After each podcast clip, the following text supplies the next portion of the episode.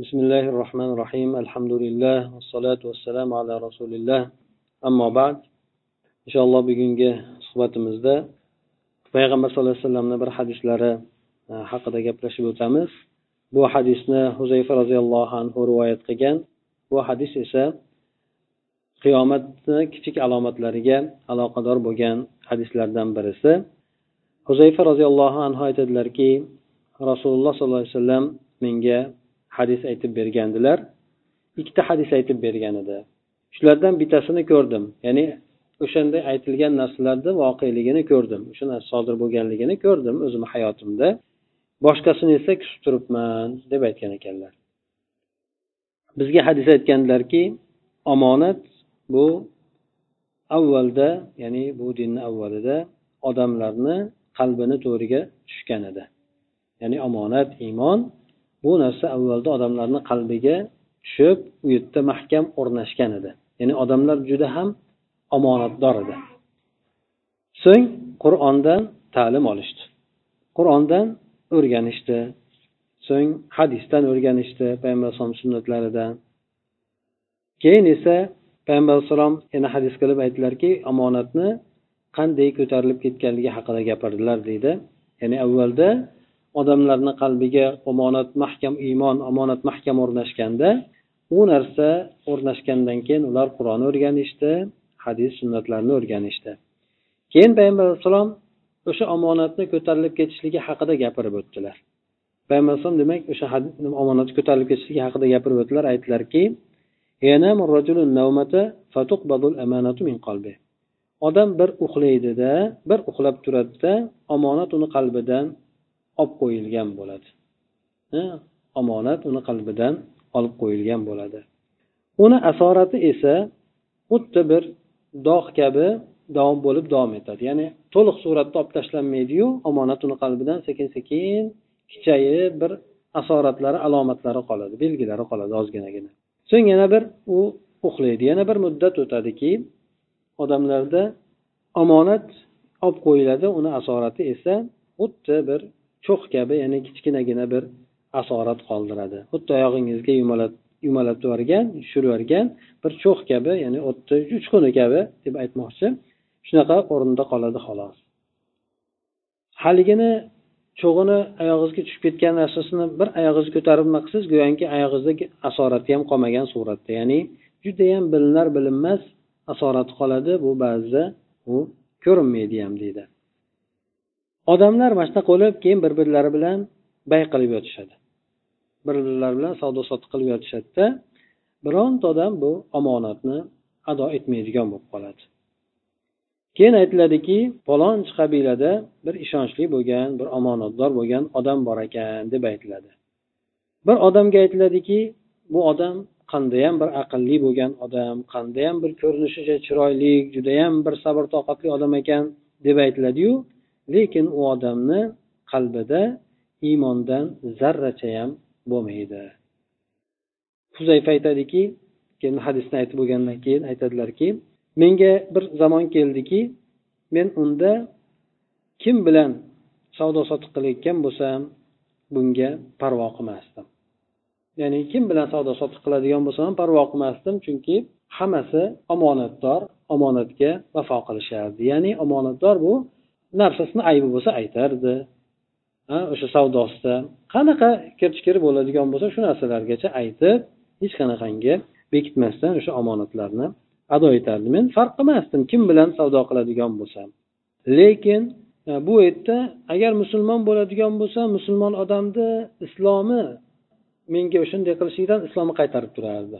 Ya'ni xiyonat qilishligidan musulmon odam bo'lsa men savdo qiladigan odam. Uni musulmonligi u omonatni xiyonat qilishlikdan omonatsizlikdan islomni qaytarib turgan bo'ladi qaytarib turardi.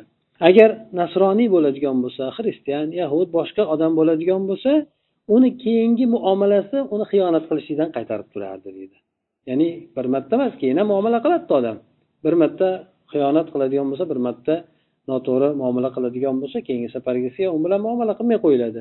Shunisidan qo'rqib demak uni keyingi harakati o'sha omonatini turar edi musulmon bo'ladigan bo'lsa musulmonni musulmonligi ya'ni musulmon ekanligi uni omonatga vafo qilishligidan vafot qilishlikka undab turardi deydi. Ammo endi bugungi kunda bo'ladigan bo'lsa huzayfa aytyaptida endi ya'ni shunday bir payt bo'lib o'tdi. Payg'ambar alayhisalom davrida o'sha sahobalarni yaxshi bo'lgan davrlarda. Ammo endi bugungi kunda deydi ya'ni u kishi keyinroq aytib berganda bu hadisda men faqatgina falonchiyu pistonchilar bilan savdo qilaman xolos deb aytgan ekanlar u kishi. Falonchiyu pistonchilar bilangina savdo qilaman ya'ni hamma ya'ni savdo muomalasini qilaman. Ya'ni bozordan borib bir narsa sotib olishlikkina emas bu yerda birovga sottiradi oldi berdi qiladi shunaqa narsalarni men palonchi pistonchilar bilangina qilaman deb aytgan ekanlar. Bu hadisni imom buxoriy bilan imom muslim ikkalari rivoyat qilgan ekanlar. Mana bu hadisda demak yuqoridagi mana aytib o'tilgan mazmundan shu narsa ko'rinib turibdiki odamlarda omonat degan narsa avvalda bo'lganidan keyin mustahkam bo'lgandan keyin zamoni o'tgan sari ko'p holatlarda ko'p o'rinlarda zaiflashib borar ekanda hattoki shunday bir payt kelib qolar ekanki odamlarda omonatdorlik degan sifat yoki omonatdorlik degan xulq noyob kamyob narsaga aylanib qolar ekanki bu bilan bir joyda bir ishora qilinadigan odamlarni o'zligina qolar ekan xolos. Yana aytib o'tildi bir odamni tashqi ko'rinishidan judayam bir ajoyib judayam aqlli boshqa sabr toqatli shunaqangi bir axloqli deb aytilar ekan lekin bu odamni qalbida iymon bo'lmas ekan. Iymon ham bo'lmas ekan ham omonat ham bu odamni qalbida bo'lmas ekan. Endi omonat xulqi haqida tushuncha berib gapiradigan bo'lsak omonat islom xulqlaridan bir xil hisoblanadi. Avvalda o'sha odam alayhissalom olib kelgan din bo'lsa birinchi navbatda o'sha dinda alloh taolo ya'ni yaxshi xulqlarni ham bayon qilgan odamlarga yomon xulqlarni ham bayon qilgan. Bu narsa davom etib kelgan.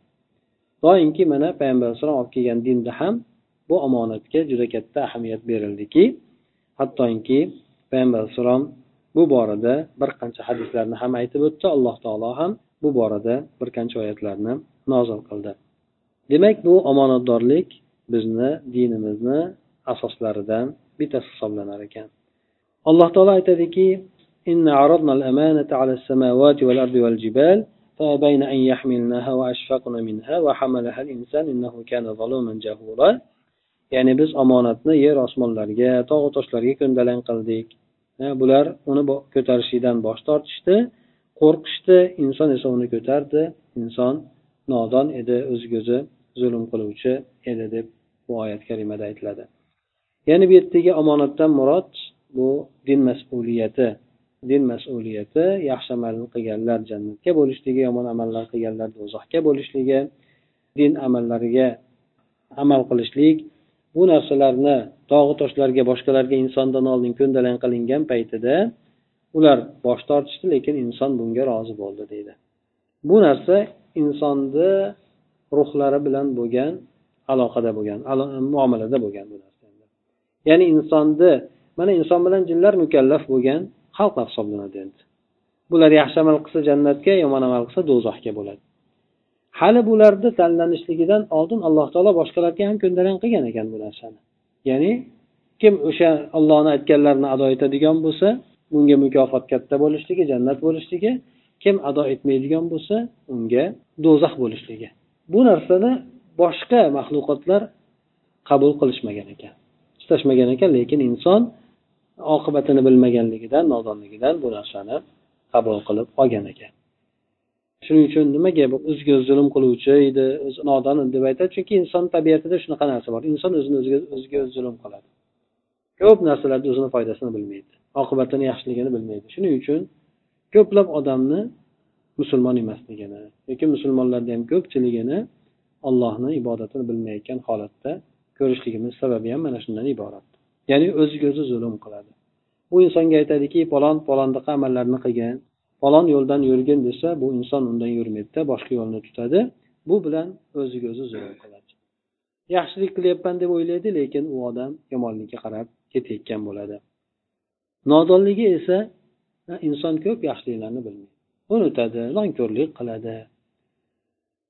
Bu omonat aytib o'tdik o'sha haqlarni egalariga qaytarishlik hamda ularga rioya qilishlik. Musulmon bo'lgan odam albatta har bir haqni o'zini egasiga qaytarishlik kerak bo'ladi. Har bir haqni o'zini egasiga qaytarishlik kerak bo'ladi. Alloh taolo ham bu haqida aytadiki mo'minlar sizlar nima qilinglar? Omonatni egalariga ado etinglar. Bizda omonat degan narsada bitta narsani tushunib qolganmiz xolos birovni motib tursin desa o'sha narsani saqlab berishlikni. Bu ham omonatni bir turi endi. Lekin omonatni hammasi emas balki omonatni bir turi omonat degani judayam keng ma'noda ishlatiladiki shariatda u ma'nosida hamma narsa kiradi ollohni haqlariga omonat ollohni haqlari biz uchun omonat. Ollohni o'ziga ado etilishlik kerak. Shirk qilinishligi ollohdan boshqaga qilinishligi bu narsa allohga nisbatan xiyonat bo'ladi. Olloh bizga rizq bersayu biz boshqaga ibodat qilsak. Olloh bizga shuncha ne'matni bersayu biz boshqaga u narsani yo'naltiradi ibodatni yo'naltiradigan bo'lsak bu ollohni haqqiga bo'lgan xiyonat hisoblanadi. Xuddi shuningdek bu dinga nisbatan xiyonat bor. Ota onaga nisbatan xiyonat bor. Boshqa musulmonlarga nisbatan xiyonat bor.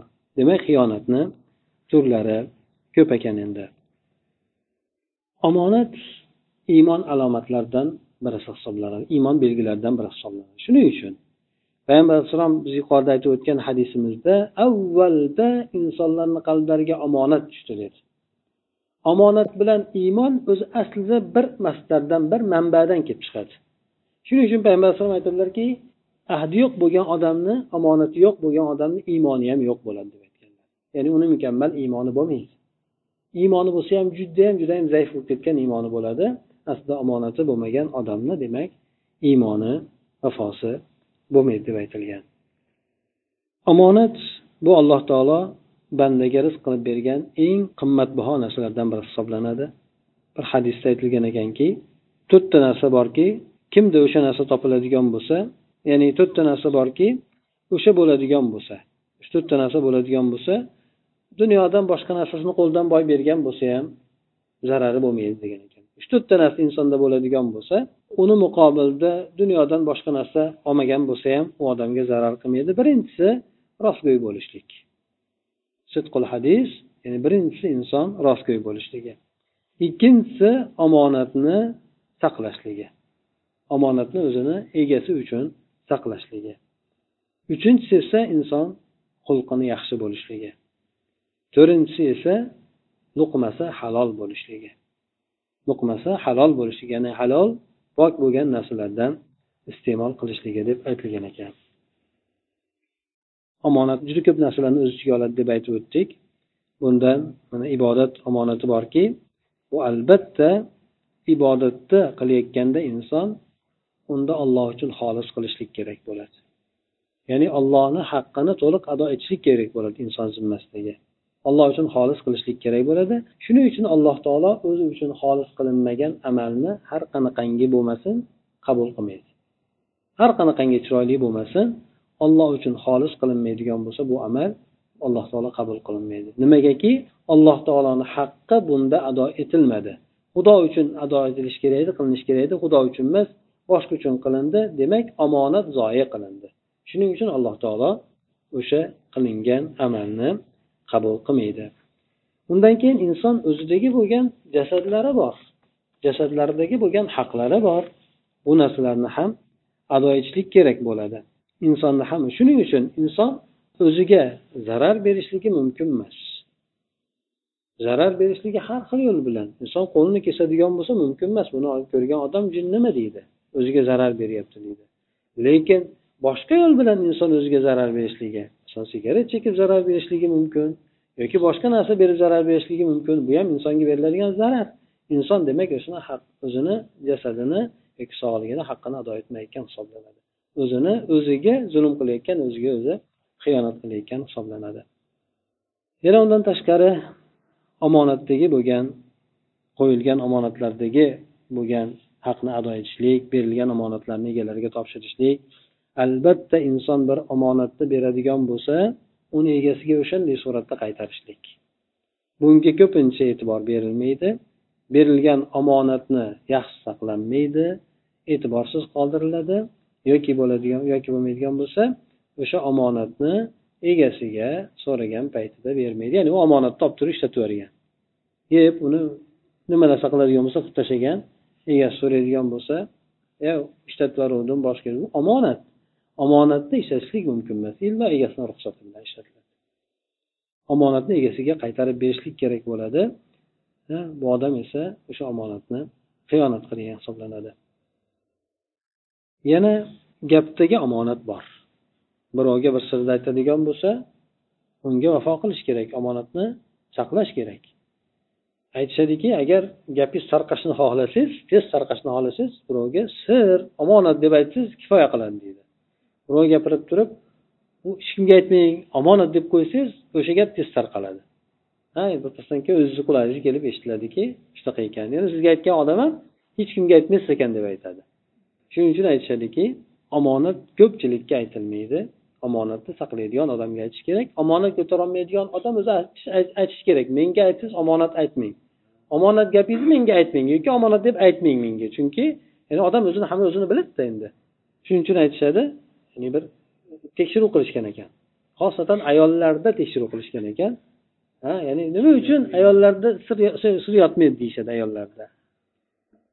Aksar ayollar bir kundan boshlab qirq sakkiz soatgachamikin yollib silaydi ekanda endi. Shundan keyin sekin sekin уже chiqishni boshlaydi ekan.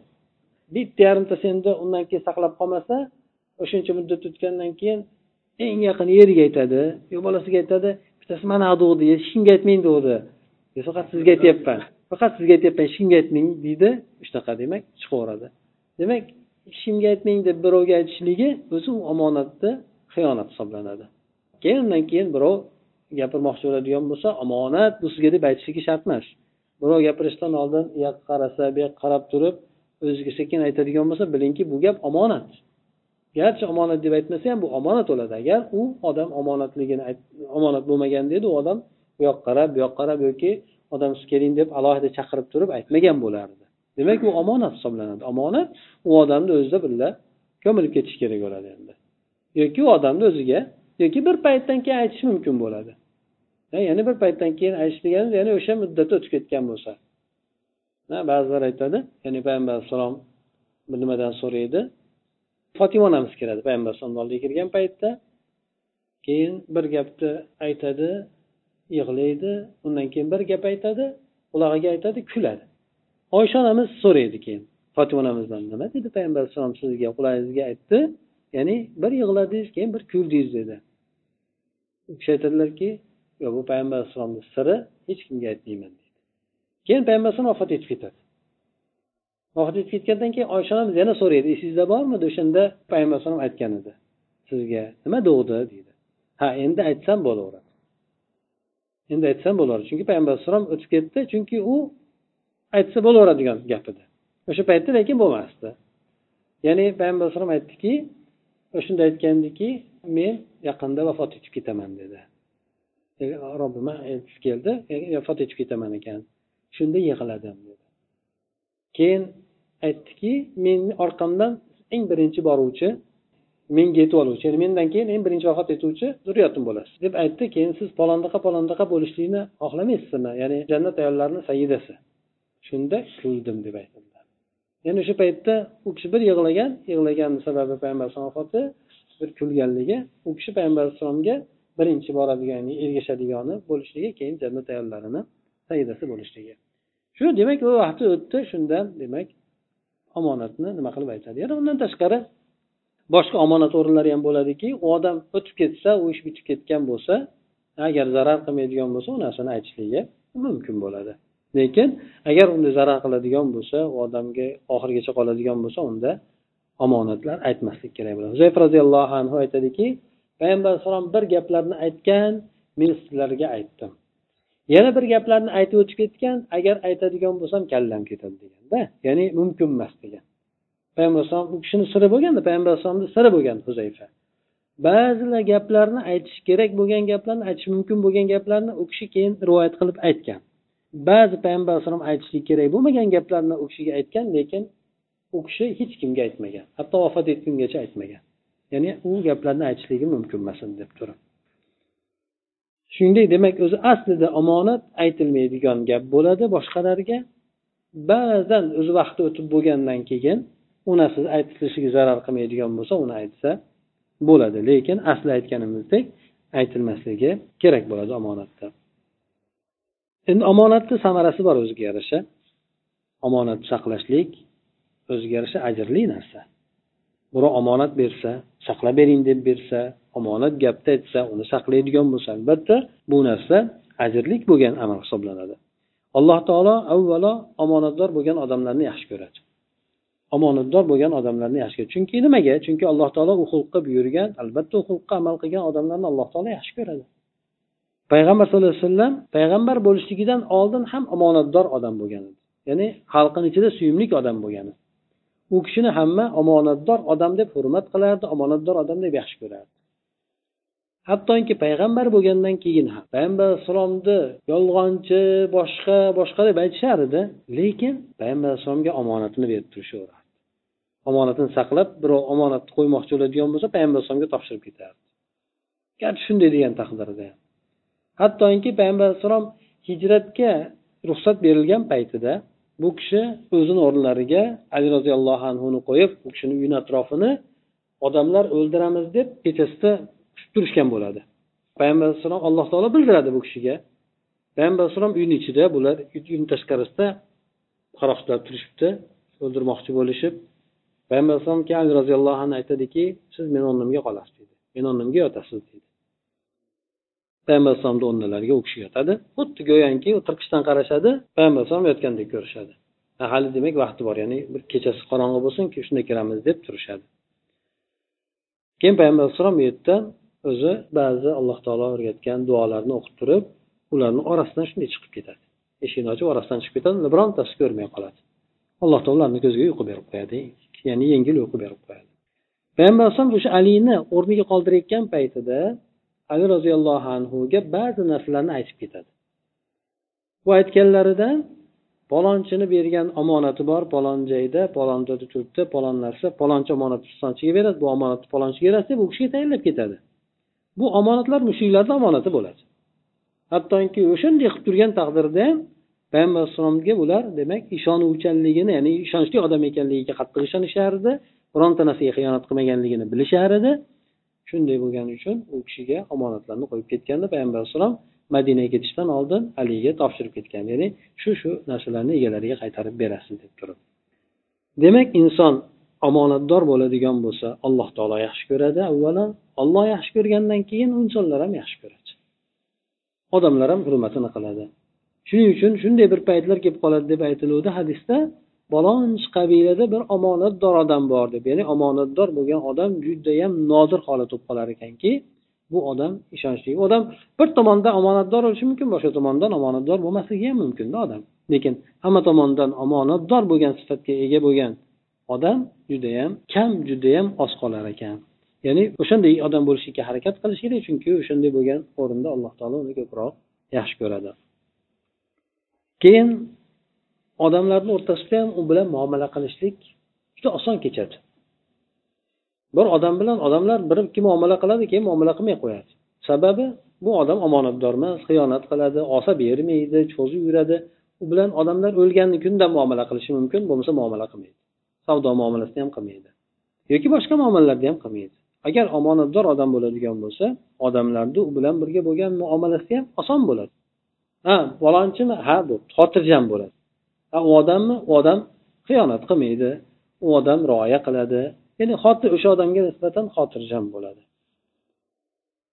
Yana undan tashqari bu odam odamlarni ichida yaxshi zikri bilan qoladi.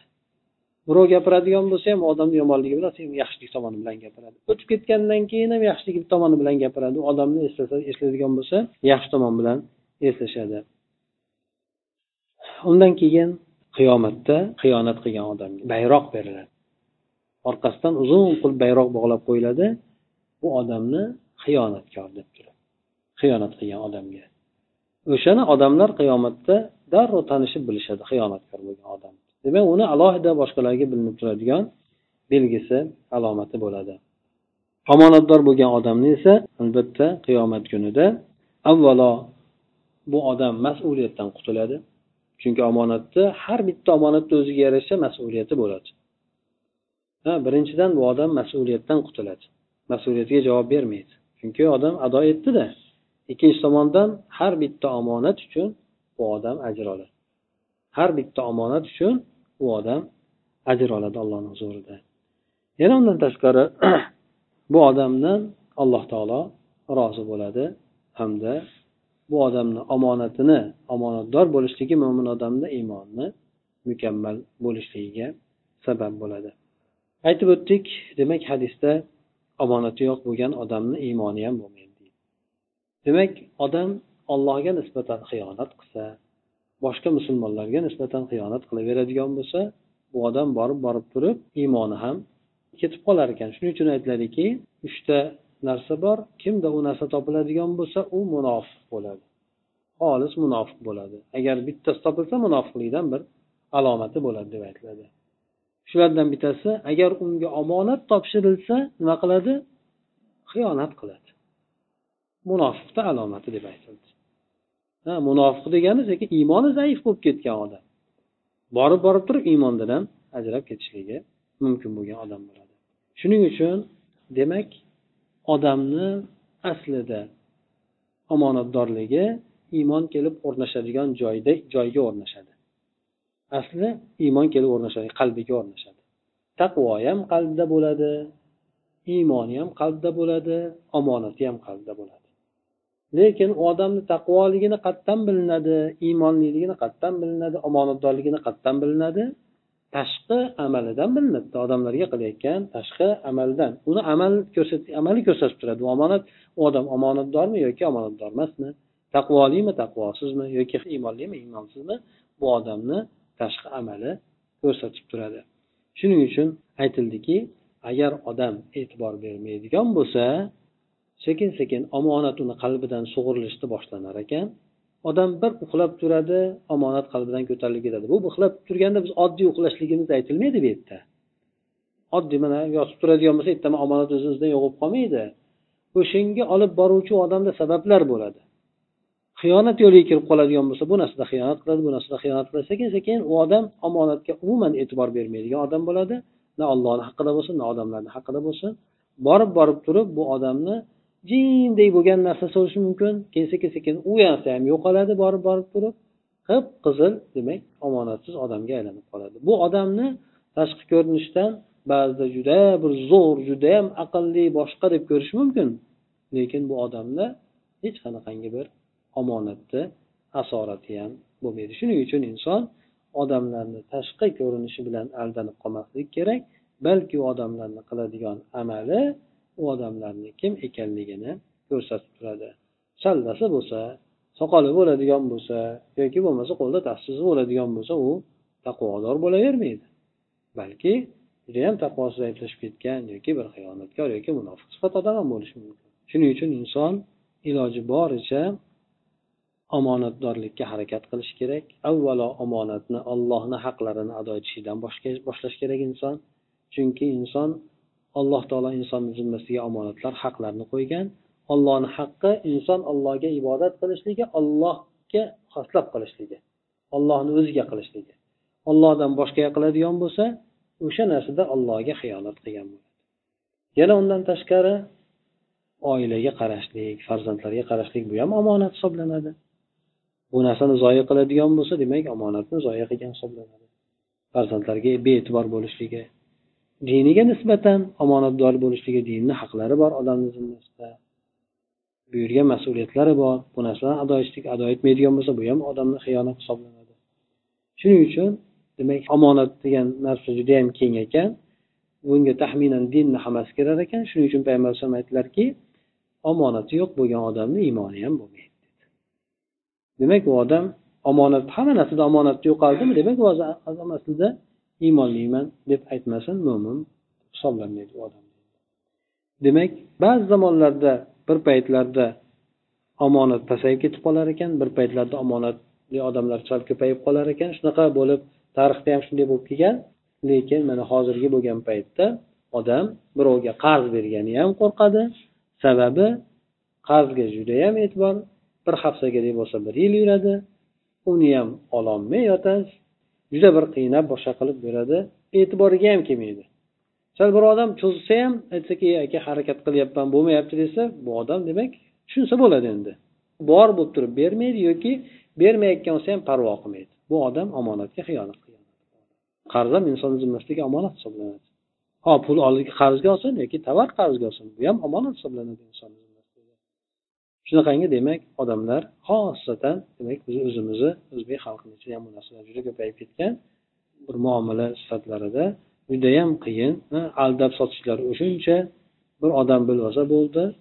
Ya'ni o'sha odam bilib qolmasa ba'zilar duo qiladi ko'r xaridorni uchratgin ya'ni men sotayotgan narsam aybini ko'rmasdan olib kelsin xudodan ham so'raydi shunday narsa shunaqangi darajaga demak odamlar yetib borishgan shundan demak xulosa qilib aytadigan bo'lsak bu omonatni yo'qolib ketishligi sizlar diniylardan yo'qotadigan birinchi narsa omonat bo'ladi degan sekin sekin namoz yo'qoladi degan namozni ichida birinchi shu yo'qoladi degan keyin sekin sekin namoz yo'qoladi degan hozir paytda omonat ketgan hushu ketgan namoz ham taxminan ketgan endi odamlar ichida namozxonlarni mana.